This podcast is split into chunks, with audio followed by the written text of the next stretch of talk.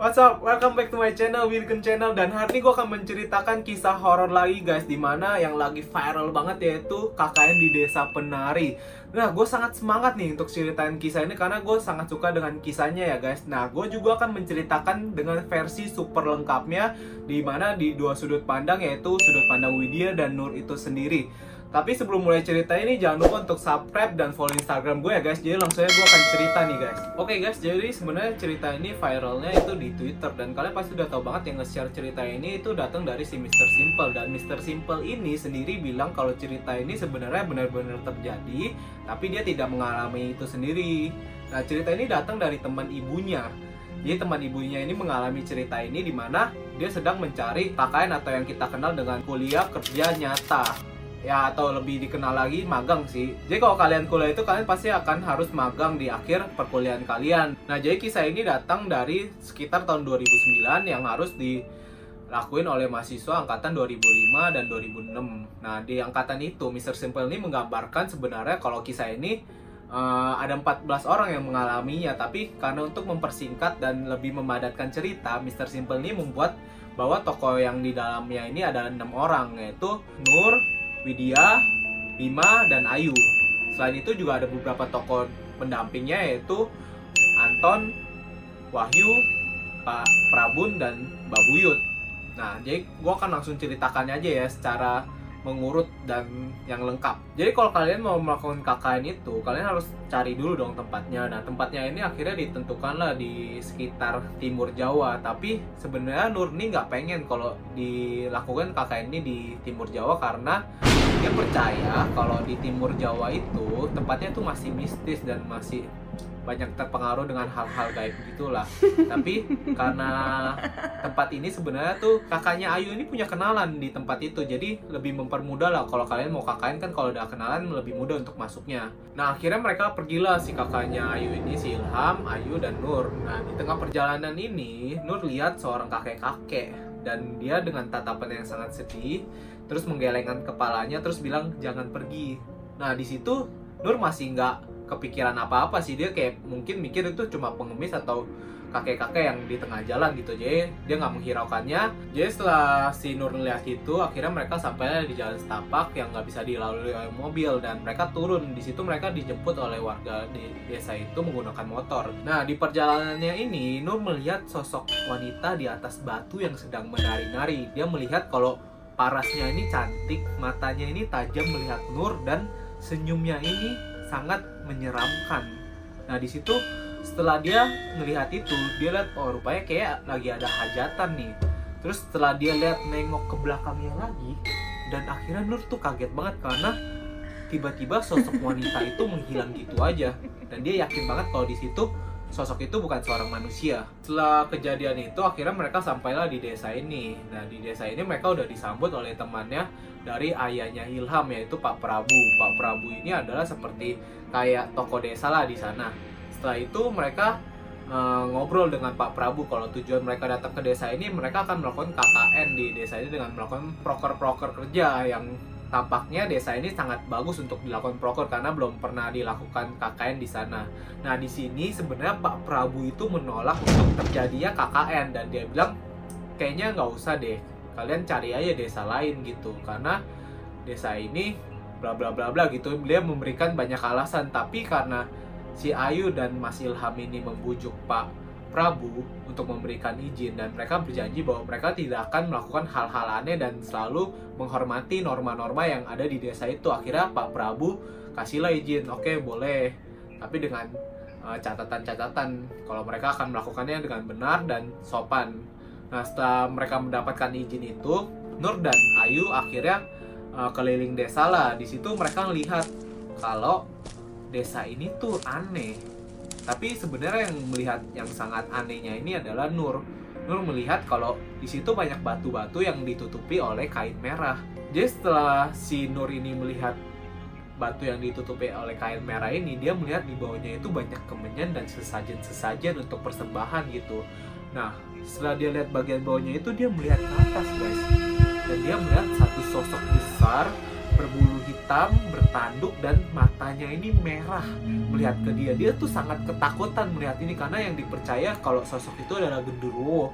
Dan setelah dia melihat ini, dia dia lemes dan dia bilang kayaknya udah deh kita nggak usah keliling lagi kita balik aja gitu karena Mas Ilham udah nungguin mereka nah, jadi akhirnya Nur dan Ayu kembalilah ke Mas Ilham dan uh, pergi dari desa itu untuk mengabari teman-temannya nah di perjalanan pulangnya ini akhirnya Ayu bilanglah kepada Nur kalau kayaknya udah dapet izinnya dari Pak Prabu dan cocok banget jadi ajaklah teman-temannya karena minimal untuk melakukan KKN ini mereka butuh enam orang Nah, Ayu ini bilang ke, ke Nur untuk ajak Bima. Jadi informasi tambahannya adalah uh, Nur ini orang yang religius, dia menggunakan hijab, dia juga jebolan dari pesantren yang cukup terkenal.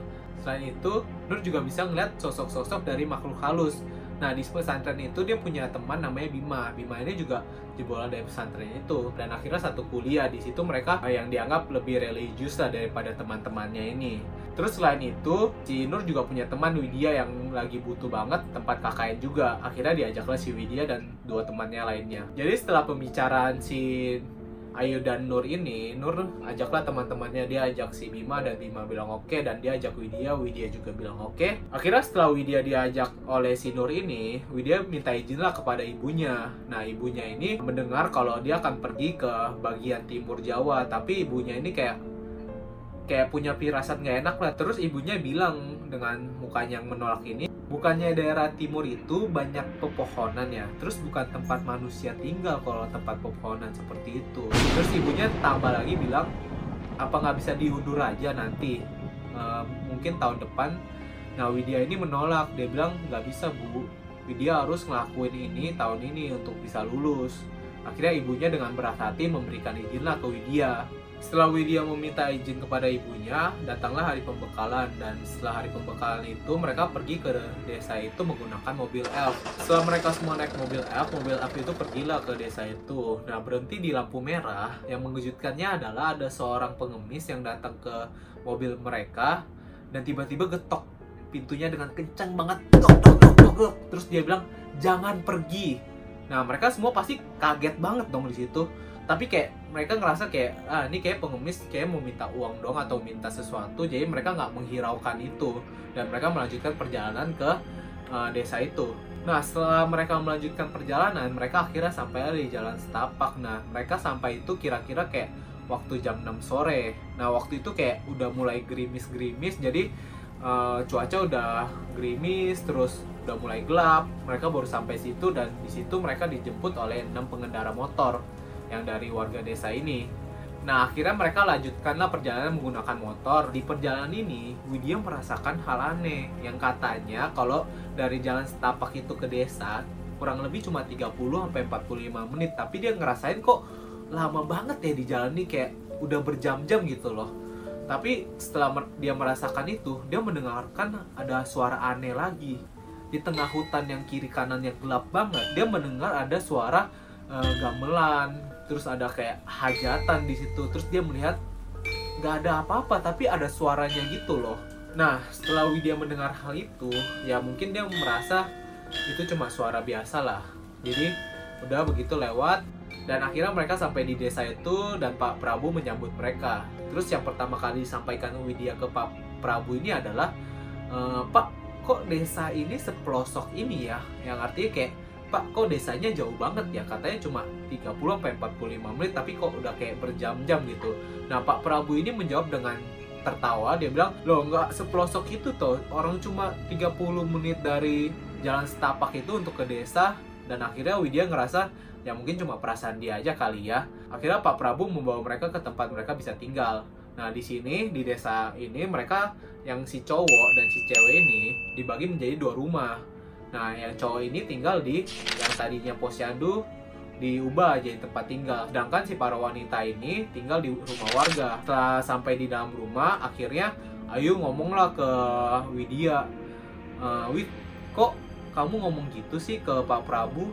Aku ngerasa kan jadi gak enak gitu. Kalau misalnya kalian bertamu ke desa orang, nggak mungkin dong kalian bilang kok desanya jauh banget gitu kata Ayu ke Widya. Jadi gitu yang dibilangin Ayu ke Widya. Tapi Widya bilang emang kamu nggak ngerasa aneh di situ tadi aku beneran loh denger kayak ada suara gamelan gitu terus akhirnya Nur yang tadinya diem aja ngomong kalau dia juga mendengar kalau ada suara gamelan dan ditambah lagi dia melihat ada sosok wanita yang sedang menari yang tadi pas observasi dia lihat muncul lagi gitu dan dia yakin banget itu bukan manusia. Terus dia yakinin lagi ke Ayu kalau di situ tuh nggak mungkin banget ada hajatan karena nggak ada desa lain di sekitar itu. Jadi yang mereka lihat itu pasti sosok mistis. Terus ditambah lagi, Nur bilang kalau kita mendengar suara gamelan itu pertanda buruk.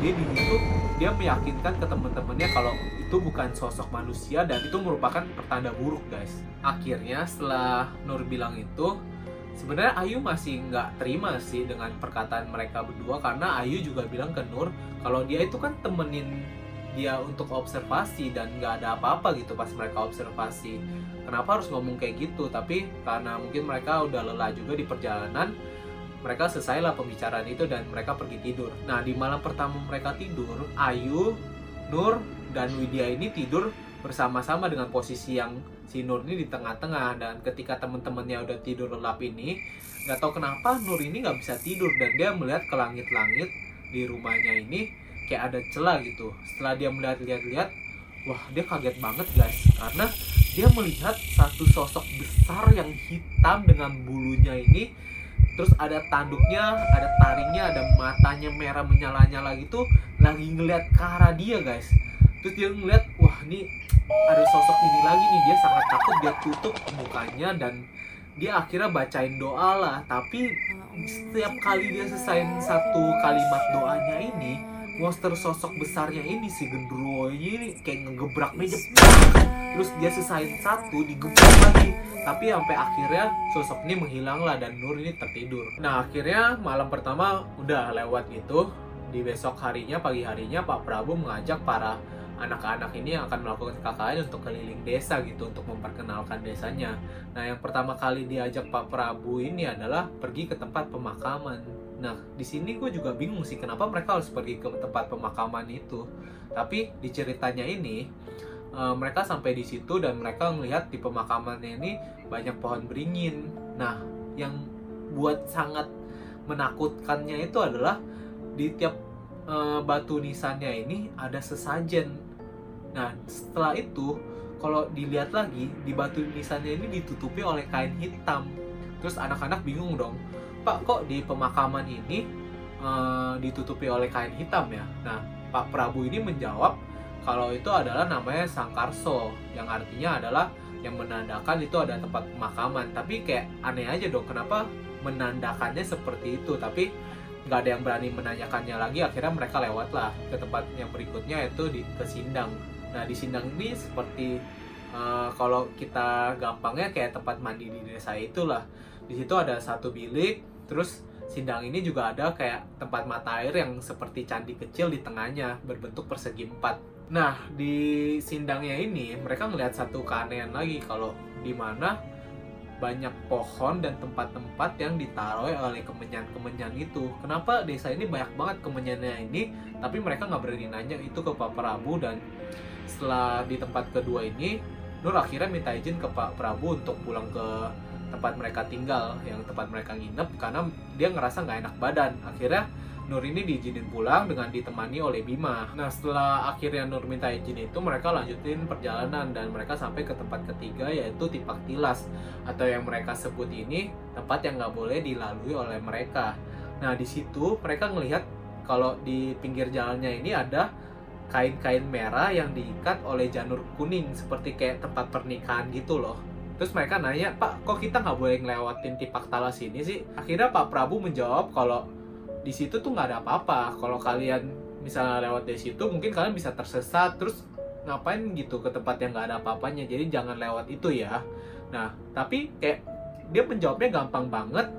Seperti menutupi sesuatu gitu. Tapi lagi-lagi mereka nggak bisa nanya ke pertanyaan berikutnya karena mereka nggak enak gitu. Karena Pak Prabu udah jawab mereka oke okay lah ya udah mungkin itu alasannya nah setelah mereka kembali ini akhirnya Widya ngajak Nur yang tadi udah kembali duluan untuk temenin dia pergi ke Sindang untuk mandi. Karena kalau kalian tahu di desa itu nggak ada WC atau nggak ada kamar mandi di tiap rumahnya. Jadi kalau kalian mau mandi atau kalian mau ke WC, kalian harus ke Sindang karena di situ Pak Prabu bilang kesulitan mata air gitu. Jadi nggak ada WC atau nggak ada kamar mandi di tiap rumah. Akhirnya Nur dengan berat hatinya bilang ke Widya dia mau temenin, tapi yang mandi duluan itu si Nur Akhirnya Widya bilang oke, mereka pergilah ke Sindang untuk mandi. Nah, setelah Nur masuk ke dalam bilik itu, akhirnya Widya ngecium bau aneh.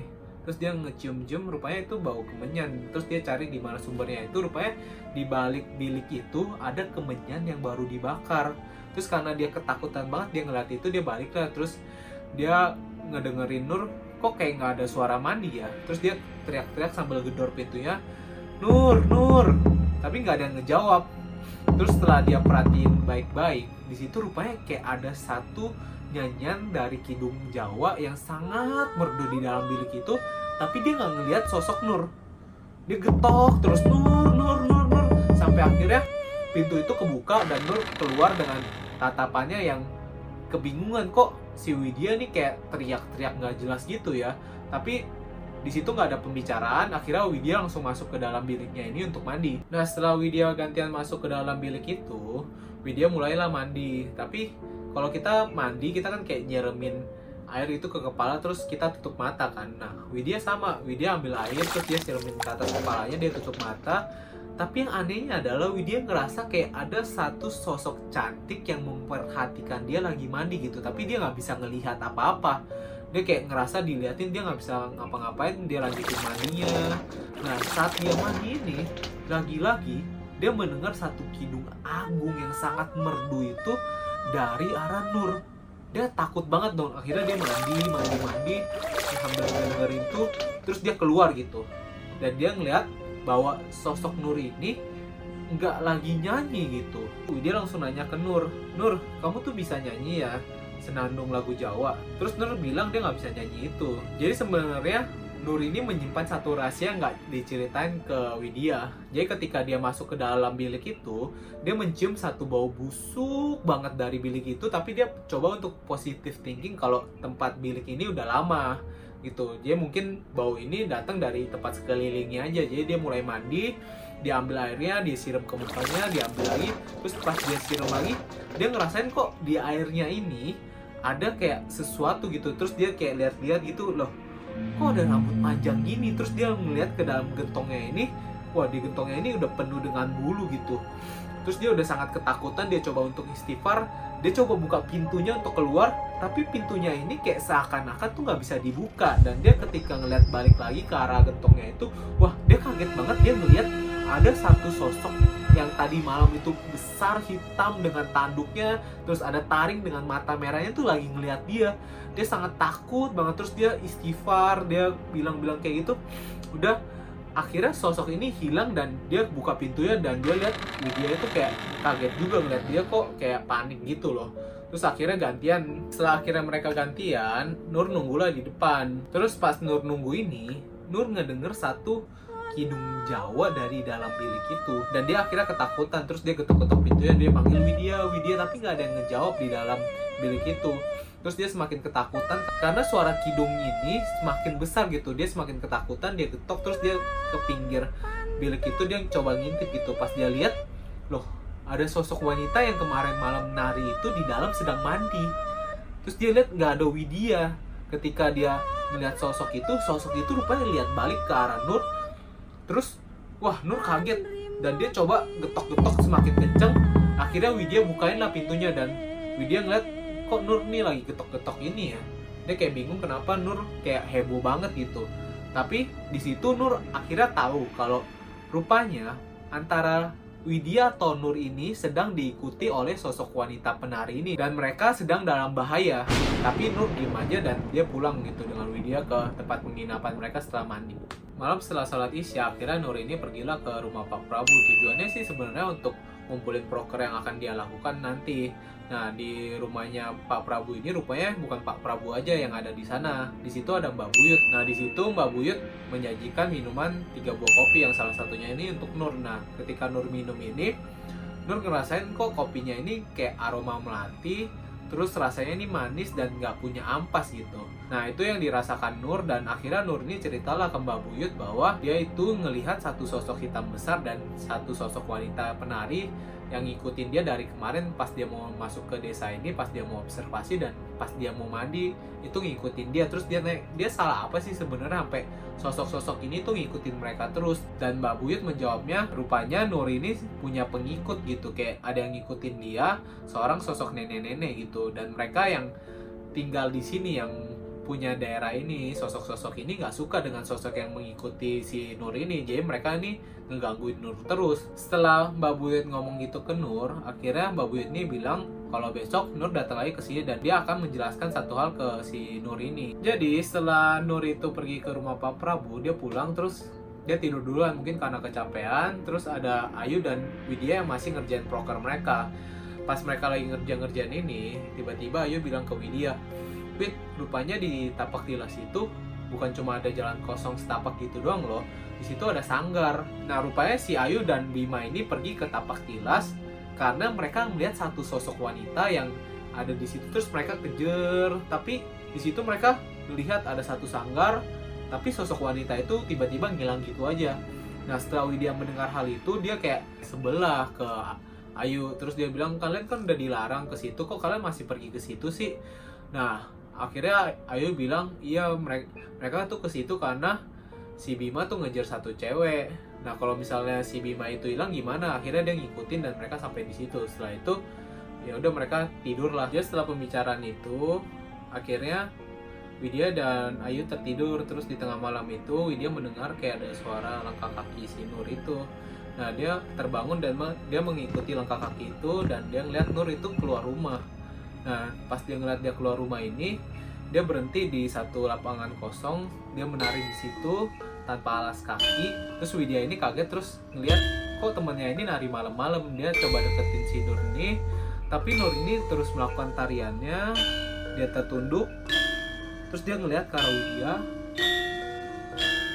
dengan senyumnya yang sangat menyeramkan itu akhirnya Widya tuh berusaha untuk mencoba bangunin Nur terus dia goncang-goncangin badannya tapi suara gamelan itu semakin kencang dan dia melihat ke arah mata Widya yang sangat tajam itu menatap dirinya yang hampir hitam. Dia kaget banget terus dia teriak sejauh-jauhnya di situ. Pas dia coba uh, goyangin lagi tiba-tiba dari belakangnya ini ada yang kayak manggil dia woi bangun lu Terus rupanya yang megang pundaknya ini adalah si Wahyu. Jadi setelah Widya membuka matanya lagi, rupanya yang memegangnya ini adalah si Wahyu dan dia melihat sekelilingnya ini udah dipenuhi dengan warga-warga sekitarnya karena semua warga itu rupanya terbangun dari teriakannya si Widya ini. Terus Wahyu cerita ke Widya kalau sebenarnya dia tuh keluar terus dia ngeliat Widya jalan ke tengah lapangan kosong sendiri dan dia menari-nari di situ. Terus dia akhirnya datengin si Widya dan dia peganglah Widya untuk membangunkannya. Nah di situ Widya tuh ngerasa ganjel banget karena tadi dia ngeliat tuh sosoknya Nur lagi nari-nari di situ. Terus dia ngeliat rupanya Nur ini baru keluar dari rumah tempat mereka nginep dan Widya tuh takut gitu. Rupanya dia ngeliat tadi bukan sosok si Nur. Nah setelah itu rupanya Nur itu mimpi pas dia tidur dia datang ke tempat satu sanggar tari yang di sampingnya itu udah dipenuhi orang yang sedang melakukan satu hajatan terus dia ngedengar suara gamelan di kiri di kanan. Dia ngeliat satu penari yang di tengah-tengah sanggar itu sedang menari sangat elok sangat cantik. Tapi di tengah pertunjukan itu uh, dia ngedenger sayup-sayup kayak suara orang minta tolong gitu dari belakangnya. Terus akhirnya dia pergilah ke suara itu dia coba kejar suaranya tempat orang minta tolong itu. Nah tiba-tiba pas dia ngejar-ngejar ini di, dia jatuh di satu bukit yang gak terlalu tinggi. Pas dia coba untuk berdiri dia coba untuk manjat bukit itu dia ngeliat ada satu sosok ular yang mendesis ke arah dia terus sisik-sisiknya ini nih warna hijau jambrut. Pas dia ngeliat itu dia cuma bisa terpaku. Dan tiba-tiba itu ada sosok Widya ular itu melihat lengannya dan pas dia ngeliat kejadian ini tiba-tiba dia terbangun karena ada teriakan Widya yang sedang menari-nari di lapangan itu. Nah pagi harinya Akhirnya Widya, Wahyu, dan Ayu dipanggil Pak Prabu untuk ke rumahnya. Di situ Pak Prabu udah menyediakan 5 gelas kopi, terus untuk mereka minum gitu. Pas mereka minum ini, rupanya si Ayu dan Wahyu ini tiba-tiba langsung muncratin kopinya gitu. Dia minum dia buah gitu dia muncratin karena katanya ini rasanya sangat pahit dan gak enak banget. tapi anehnya si Widya ini bisa minum dengan sangat santainya. Nah di perjalanan pulangnya ini, si Pak Prabu ceritalah kepada mereka bertiga kalau sebenarnya minuman ini adalah kopi reng yang diracik untuk memanggil dedemit atau lembut atau makhluk sejenisnya. Nah mereka tuh kaget dong kalau Nah setelah mendengar hal itu mereka kaget banget dong. Tapi Pak Prabu ini menjelaskan kalau Widya ini sebenarnya ada yang mengikuti, tapi tenang aja, dia nggak akan kenapa-napa kalau ditemani sama teman-temannya. Jadi setelah kejadian itu, mereka yang tadi ya tinggal di dua rumah akhirnya disatukan. Dan Pak Prabu ini memberikan satu pesan kepada mereka untuk menjaga etika dan norma di rumah itu.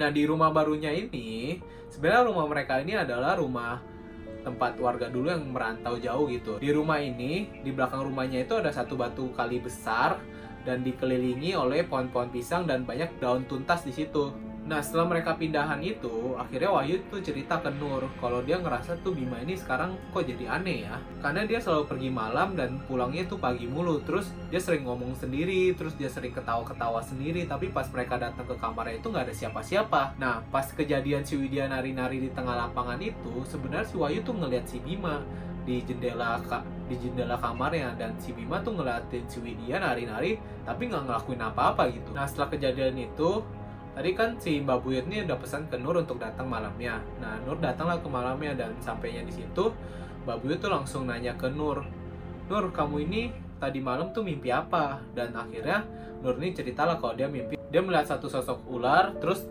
akhirnya dia pergi ke tempat batu yang pertama kali dia pergi ke desa itu dia ngeliat satu sosok hitam itu nah setelah si Mbak Buyut mendengar hal itu akhirnya Mbak Buyut bilang ke Pak Prabu untuk menggorok satu ekor ayam di batu itu dan mewadahkan darahnya terus disiram ke batu itu. Jadi setelah Pak Prabu itu menyiramkan darah ayam itu ke batunya ini, akhirnya Mbak Buyut menjelaskan ke Nur lah kalau sebenarnya sosok hitam itu adalah penghuni dari desa itu. E, pastinya penghuni sosok halus ya. Kemudian uh, Nur juga dijelaskan bahwa sosok yang mengikuti Nur ini sebenarnya telah banyak melakukan apa ya kayak bertengkar gitu dengan makhluk halus di sekitar desa itu jadi mereka tuh nggak senang dengan sosok yang mengikuti si Nur ini tapi karena udah diberikan uh, darah ayam itu akhirnya mereka tuh kayak berdamai lah tapi nggak bisa dihilangin gitu jadi cuma bisa diberikan jarak akhirnya si Nur ini ditutuplah mata batinnya oleh Mbak Buyut dan disuruh untuk pulang. Setelah kejadian itu, akhirnya Anton sebenarnya pengen menegur Bima lewat si Nur. Karena kalau kita ingat-ingat tadi, Bima ini sebenarnya kan satu pesantren dengan Nur. Terus si Anton ini cerita ke Nur, uh, Nur, tuh Bima kok aneh banget ya. Sekarang dia kayak sering senyum sendiri, terus dia kayak sering onani sendiri di kamar, terus oh, dia sering banget bawa pulang sesajen di mana sesajen ini ditaruh di bawah kasurnya yang di situ ada foto Widya. Tapi setelah mendengar hal itu, Nur nggak percaya dong karena dia ngerasa dia kenal dengan si Bima. Kalau Bima ini orang yang religius. Kemudian si Anton nambahin lagi kalau sering banget malam-malam dia denger di kamarnya si Bima ini ada kayak satu suara wanita tapi pas ditungguin itu nggak ada siapa-siapa gitu di dalamnya. Nah setelah itu akhirnya Nur nggak percaya dong dengan hal-hal itu. Dia pergi ke kamar si Bima dia ngedenger kayak ada ada suara keser keser keser gitu di lemarinya. Pas dia buka lemarinya itu rupanya di dalam lemarinya ini ada satu sosok ular hijau yang nggak terlalu besar tiba-tiba langsung keluar gitu dari kamarnya. Jadi setelah kejadian itu akhirnya si Nur lebih memperhatikan si Bima lah. Terus dia ngeliat suatu hari si Bima tuh lagi nabur-naburin uh, sesajen di tempat si Widya tuh sering kayak duduk atau tiduran dia nabur-naburin. Tapi akhirnya Nur ngambilin lah sesajen atau taburan-taburannya itu untuk dibersihkan gitu. Jadi setelah kejadian itu akhirnya ada di mana suatu hari mereka lagi ngumpul di rumah itu, anak-anak lagi pada di teras, terus si Widya ini lagi di ruang tamu, terus si Nur ini lagi sholat. Nah si Widya yang di ruang tamu ini kayak denger tiba-tiba kayak ada suara kayak ada suara senandung Jawa lagi tuh yang dulu pernah dia denger. Nah arahnya itu dari arah dapur. Nah kalau di rumahnya ini, jadi dapurnya ini harus lewat dari kamar-kamar mereka dulu. Akhirnya Widya pergilah ke dapur itu, terus dia lihat, wah si Nur lagi sholat nih, terus dia jalan lagi. Pas dia buka dapurnya itu, terus rupanya tuh ada si Nur. Dan dia kaget banget karena tadi dia ngeliat kalau si Nur nih lagi sholat kan di kamar. Jadi setelah dia ngeliat sosok Nur itu rupanya ada di dapur dia coba ngecek lagi lah di kamarnya si Nur itu. Tadi bukannya si Nur lagi sholat pas dia lihat lu nggak ada siapa-siapa. Jadi kayak dia panik dia semua pada ngumpul. Akhirnya Nur yang tadi yang lagi di dapur minum dia kasihlah minum ke si Widya untuk nenangin diri dia. Pas dia minum loh di dalam mulutnya ini kok kayak ada sesuatu gitu yang nyangkut. Pas dia lihat ada tiga helai rambut yang panjang dari dari dia minum ini pas dia buka tekonya wah di tekonya tuh banyak banget rambut guys. Terus katanya kalau orang yang minum itu terus ada rambut dia tuh lagi disantet atau lagi diguna-guna guys. Nah setelah kejadian itu akhirnya si Widya itu uh, sering sakit-sakit lah.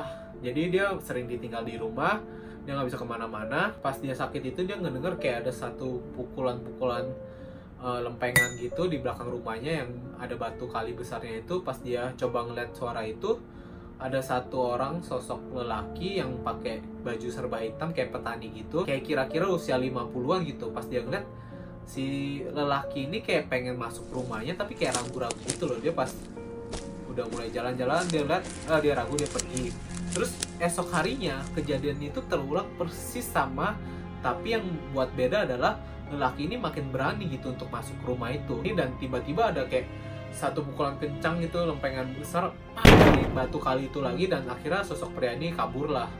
Nah akhirnya Widya ini cerita ke Pak Prabu dengan kejadian-kejadian yang tadi. Nah setelah Pak Prabu tahu kejadian itu akhirnya dia cari tahu lah rupanya uh, pria yang datang ke rumah itu itu ada warga dari desa itu yang bilang kalau di rumah itu tuh ada uh, penari yang sangat cantik terus gerakannya sangat elok lagi menari-nari. Tapi pas dia datang dia ngeliat ke mukanya ini muka penarinya itu benar-benar polos nggak ada muka guys kayak rata gitu. Terus dia bilang kalau sosok yang ada suara di belakang rumahnya ini adalah Eh, sosok kakek yang sedang memberikan pertanda ke Widya ini. Nah di suatu hari akhirnya si Nurni mendengarlah kayak ada suara keributan antara dua orang gitu. Rupanya pas dia lihat yang lagi uh, ngomong itu si Bima dan si Ayu dan di sini si Bima bertanya kepada Ayu, yuk di mana kawaturi yang aku kasih ke kamu? Aku kan suruh kamu ini kasih ke Widya, kenapa sampai sekarang tuh nggak ada? Nah setelah kejadian itu, akhirnya Nur semakin punya firasat buruk antara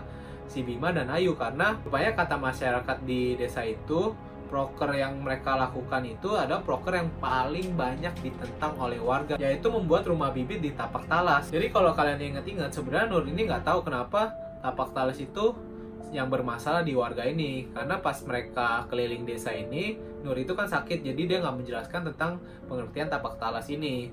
Nah jadi di sore harinya Ayu sama Bima tuh nggak ada di rumah terus karena Nur ini sangat penasaran akhirnya dia tanyalah ke Anton Ton itu di mana sih tapak tilas? Dia pengen ke situ gitu nyari si Bima sama si Ayu. Terus setelah si Anton itu kasih tahu letak tapak tilas itu di mana akhirnya Nur pergi ke tapak tilas di situ. Sebenarnya nggak ada apa-apa dan dia coba jalan terus. Di situ ada batu-batu yang miring terus dia akhirnya turun ke bawah dan dia ngelihat di situ ada rupanya sanggar kayak balai desa yang udah nggak terurus. Nah di si sanggar nah di sanggar desa itu kayak banyak peralatan-peralatan gamelan yang udah nggak kepakai gitu yang udah berdebu. Dan dia ngeliat kalau nggak ada siapa-siapa di sana pas dia lagi lihat-lihat tiba-tiba dia terkejut gitu. Tiba-tiba ada yang manggil nama dia Nur gitu kan. Dia kaget dia lihat ke belakang. Nah di situ dia ngeliat ada Bima dan Ayu. Terus dia mulai sadar rupanya apa yang dilakukan Bima dan Ayu di tempat itu. Dan betapa marahnya dia bilang kenapa mereka ngelakuin itu Nah, tapi di situ si Bima coba untuk menjelaskan menenangkan si Nur dan dia akan menjelaskan itu nanti di rumah. Jadi mereka pergi balik ke rumah mereka, terus dia bilang kalau rupanya dia tuh kilaf dan dia akan tanggung jawab di situ setelah kakek nanti dia akan menikahi Ayu. Tapi si Nur juga nambahin kalau katanya Anton kan ada suara cewek, rupanya suara cewek itu si Ayu ya. Tapi di sana si Ayu juga bingung karena dia nggak pernah ngelakuin hal itu di kamarnya si Bima. Jadi dia kayak sedih banget. Dia dia coba bertanya-tanya kepada si Bima, tapi Bima coba untuk menenangkan mereka dan tidak menjelaskan itu ke si Ayu. Jadi setelah mendengar hal itu, Ayu yang nggak merasa pernah berhubungan dengan Bima di kamar itu kayak semakin sedih terus marah. Tapi ketika mereka lagi berdebat itu, datanglah si Anton.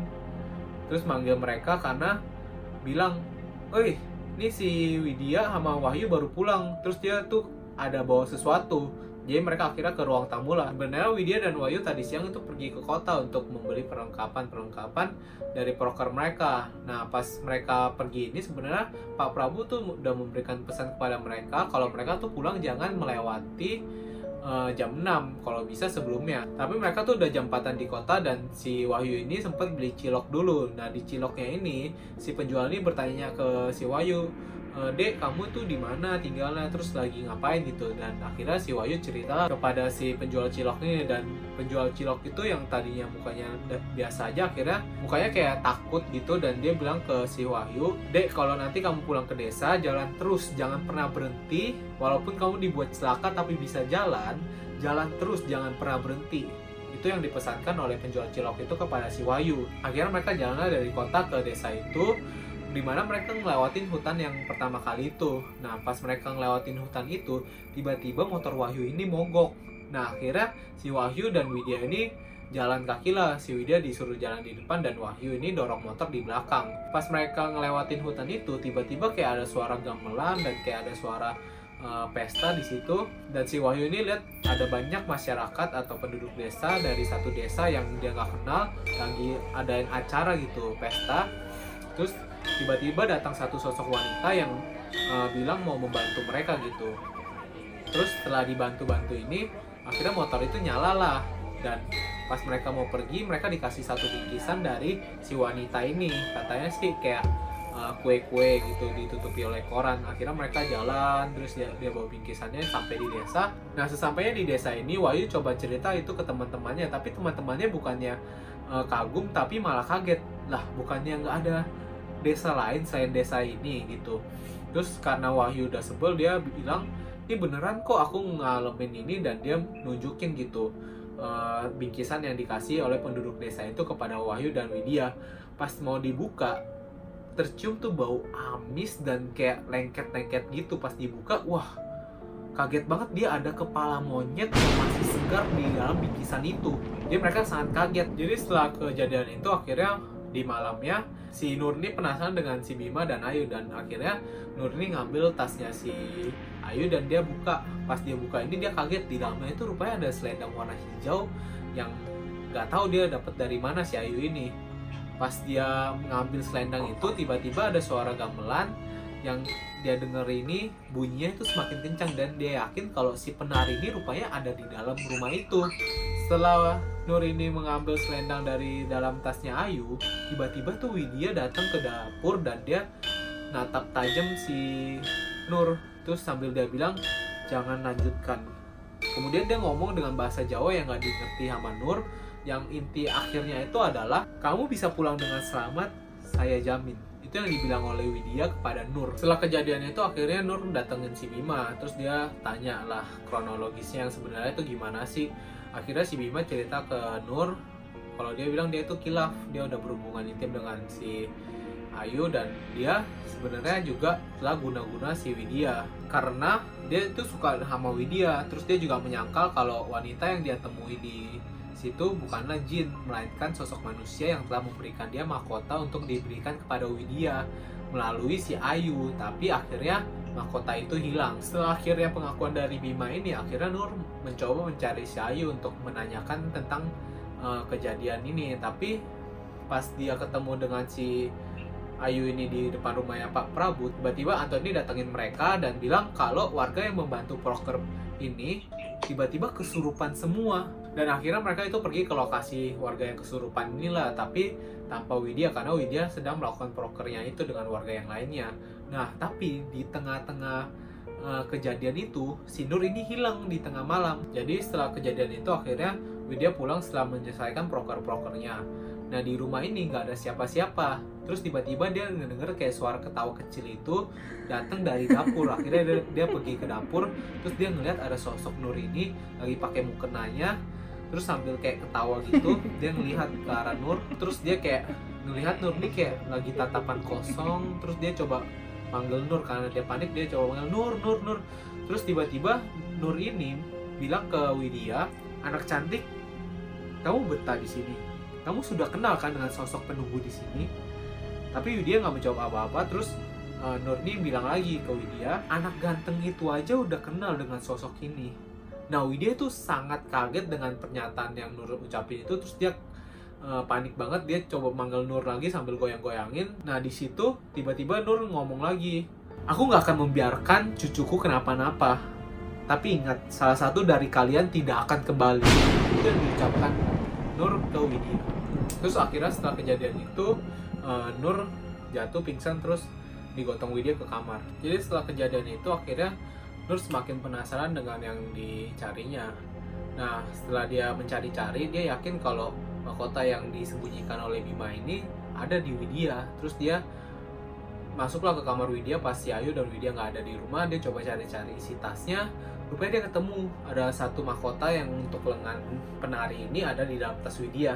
Nah, pas keadaan itu, si Nur ini bawa uh, mahkota yang dia temuin itu dan selendang yang ditemuin di tas Ayu dia sembunyi di dalam satu kotak kayu dia itu pakai satu kain putih terus dia simpen di dalam dapur. Setelah kejadian itu akhirnya Nur pergi mencari si Ayu dan dia mencoba bilang kenapa sih yuk di dalam tas kamu tuh ada satu selendang ini? Dan akhirnya si Ayu ini cerita kepada Nur kalau selendang ini adalah satu benda yang digunakan untuk memikat si Bima agar dia bisa suka kepada si Ayu Nah, selendang ini sampai sekarang itu nggak tahu siapa yang ngasih kepada si Ayu karena Ayu nggak mau ngaku kepada Nur siapa yang ngasih ke selendang itu. Nah, di malam yang sama, akhirnya si Widya ini juga penasaran dengan apa yang dikatakan Wahyu kalau Bima ini sering pergi malam.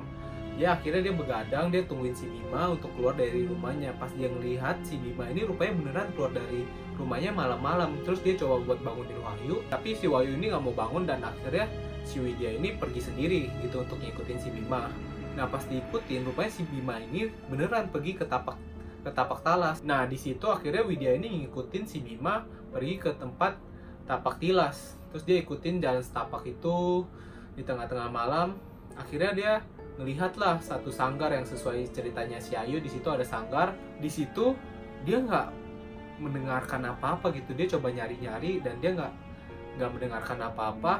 Tapi tiba-tiba kayak ada suara wanita yang lagi nangis dia coba ikutin dia coba buat ngikutin suara itu di mana. Nah di situ akhirnya dia ngedenger ada suara Bima dengan seorang wanita yang sedang mendesah dengan sangat jelasnya. Ketika si Widya ini coba ngintip dari satu celah akhirnya dia ngelihat kalau si Bima ada di dalam bersama dengan ular-ular yang sedang gitu. Terus pas dia ngeliat Bima ini natap balik ke arah dia. Dia kaget dong. Dan dia kabur gitu. Pas dia lari Nah, di situ ada suara gamelan lagi, suara gong yang nyaring bunyinya.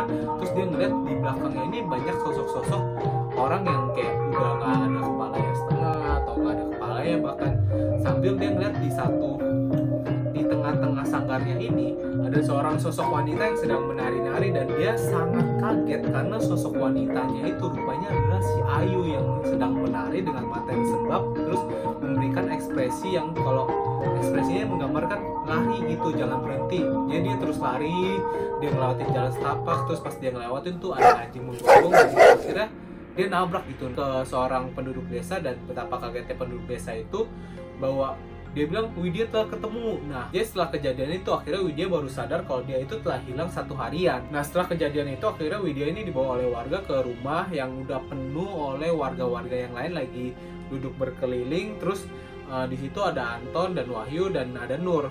Terus dengan kagetnya Nur teriak gitu. Bukan teriak sih dia kayak bilang ke Widya, uh, Wid lihat itu si Ayu. Terus rupanya di situ si Ayu ini udah kayak orang yang nggak bisa ngapa-ngapain terus kayak tertidur tapi matanya melotot melihat gitu dengan tatapan kosong. Nah setelah si Widya ini melihat si Ayu, di, rupanya di sampingnya ini ada Bima yang kakinya ini menendang-nendang terus kayak mulutnya bubusa kayak orang lagi epilepsi gitu. Setelah melihat kejadian itu akhirnya si Widya teriaklah sejadi-jadinya. Akhirnya Mbak Buyut datanglah ke Widya dan dia memberikan secangkir kopi.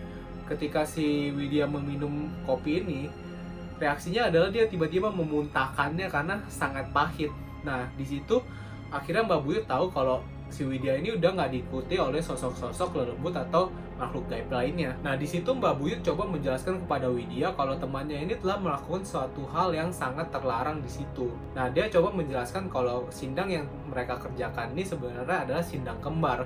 Nah, sindang yang di desanya ini boleh dipakai untuk mandi dan uh, membersihkan tubuh. Tapi sindang yang ada di tapak tilas nggak boleh digunakan oleh siapa pun, terutama untuk berhubungan intim, karena tempat itu sangat sakral. Nah, Mbak Buyut lanjut menjelaskan bahwa apa yang telah dilihat Widya di dalam sindang itu adalah Bima dengan anak-anak ular hasil perkawinannya dengan siluman ular. Dan dia menjelaskan apa yang terjadi kepada Ayu adalah dia harus menari mengelilingi hutan ini dan ditemani oleh Bima yang harus mengawini si ratu ular. Terus kemudian Mbak Buyut ini menutup dengan satu kalimat dia akan coba ngomong baik-baik dengan para penghuni dunia gaib dari desa ini tapi dia nggak yakin bahwa Ayu dan Bima bisa kembali hidup-hidup Nah, pagi harinya ini akhirnya datanglah serombongan mobil yang berisikan keluarga dan panitia dari anggota KKN ini. Setelah mendengarkan hal itu dari Pak Prabu, akhirnya KKN ini dicabut dan mereka itu dipanggil pulang oleh pihak kampus dan keluarga. Nah, tapi yang membuat menjadi masalah adalah si Ayu dan Bima ini masih dalam keadaan di mana Ayu ini matanya melotot dan tubuhnya kaku, sedangkan Bima ini eh, badannya ini kejang-kejang seperti orang epilepsi dan di sini keluarga dan panitia mencoba untuk membawa mereka semua untuk pulang. Nah, Mbak Buyut di sini bilang kalau sewaktu-waktu sebenarnya balaknya ini bisa dicabut, tapi dari pihak keluarga dan panitia tidak mau dan mereka akhirnya membawa pulang Bima dan Ayu secara paksa. Dan setelah akhirnya Bima dan Ayu ini dibawa pulang, akhirnya Bima ini berpulang. Tapi sebelum dia berpulang, dia terbangun dan dia mengetuk pintu kamar ayah dan ibunya dan dia meminta maaf. Setelah itu dia kembali ke kamarnya dan dia panik dan dia teriak ular ular ular setelah itu dia meninggal nah sedangkan yang terjadi kepada Ayu adalah dia dibawa ke tempat pengobatan yang di mana Nur di situ diajak untuk menemaninya karena keluarga menganggap Nur ini paling dekat dengan Ayu nah kemudian di situ Nur melihat Ayu ini ditaruh di atas pelepah daun pisang kemudian dimasukkan ke dalam keranda. Nah di situ Nur merasakan kalau hal itu tuh nggak benar, tapi itu yang diinginkan oleh pihak keluarga dan akhirnya Ayu ini meninggal setelah tiga bulan. Nah setelah kejadian itu akhirnya pihak kampus tidak membolehkan lagi uh, adanya proses KKN di bagian timur Jawa. Dia hanya membolehkan proses KKN ini ada di barat Jawa. Nah itulah yang terjadi di cerita ini di KKN di Desa Penari. Nah dari kisah ini sebenarnya kita bisa petik bahwa kita ini harus sopan dalam bertamu, tidak boleh seenaknya apa yang kita inginkan gitu. Kita harus mengikuti apa peraturan yang telah diberikan orang yang telah memberikan tumpangan kepada kita jadi kita harus saling menghormati jadi itu dia kisah KKN di desa penari yang sedang viral gua gue berharap kalian bisa menangkap dan memetik apa yang ingin diberikan oleh penulis dan gue mencoba menceritakannya lagi. Jadi jangan lupa untuk selalu support channel ini dengan subscribe dan follow instagram gue ya guys. Thank you. See you in the next video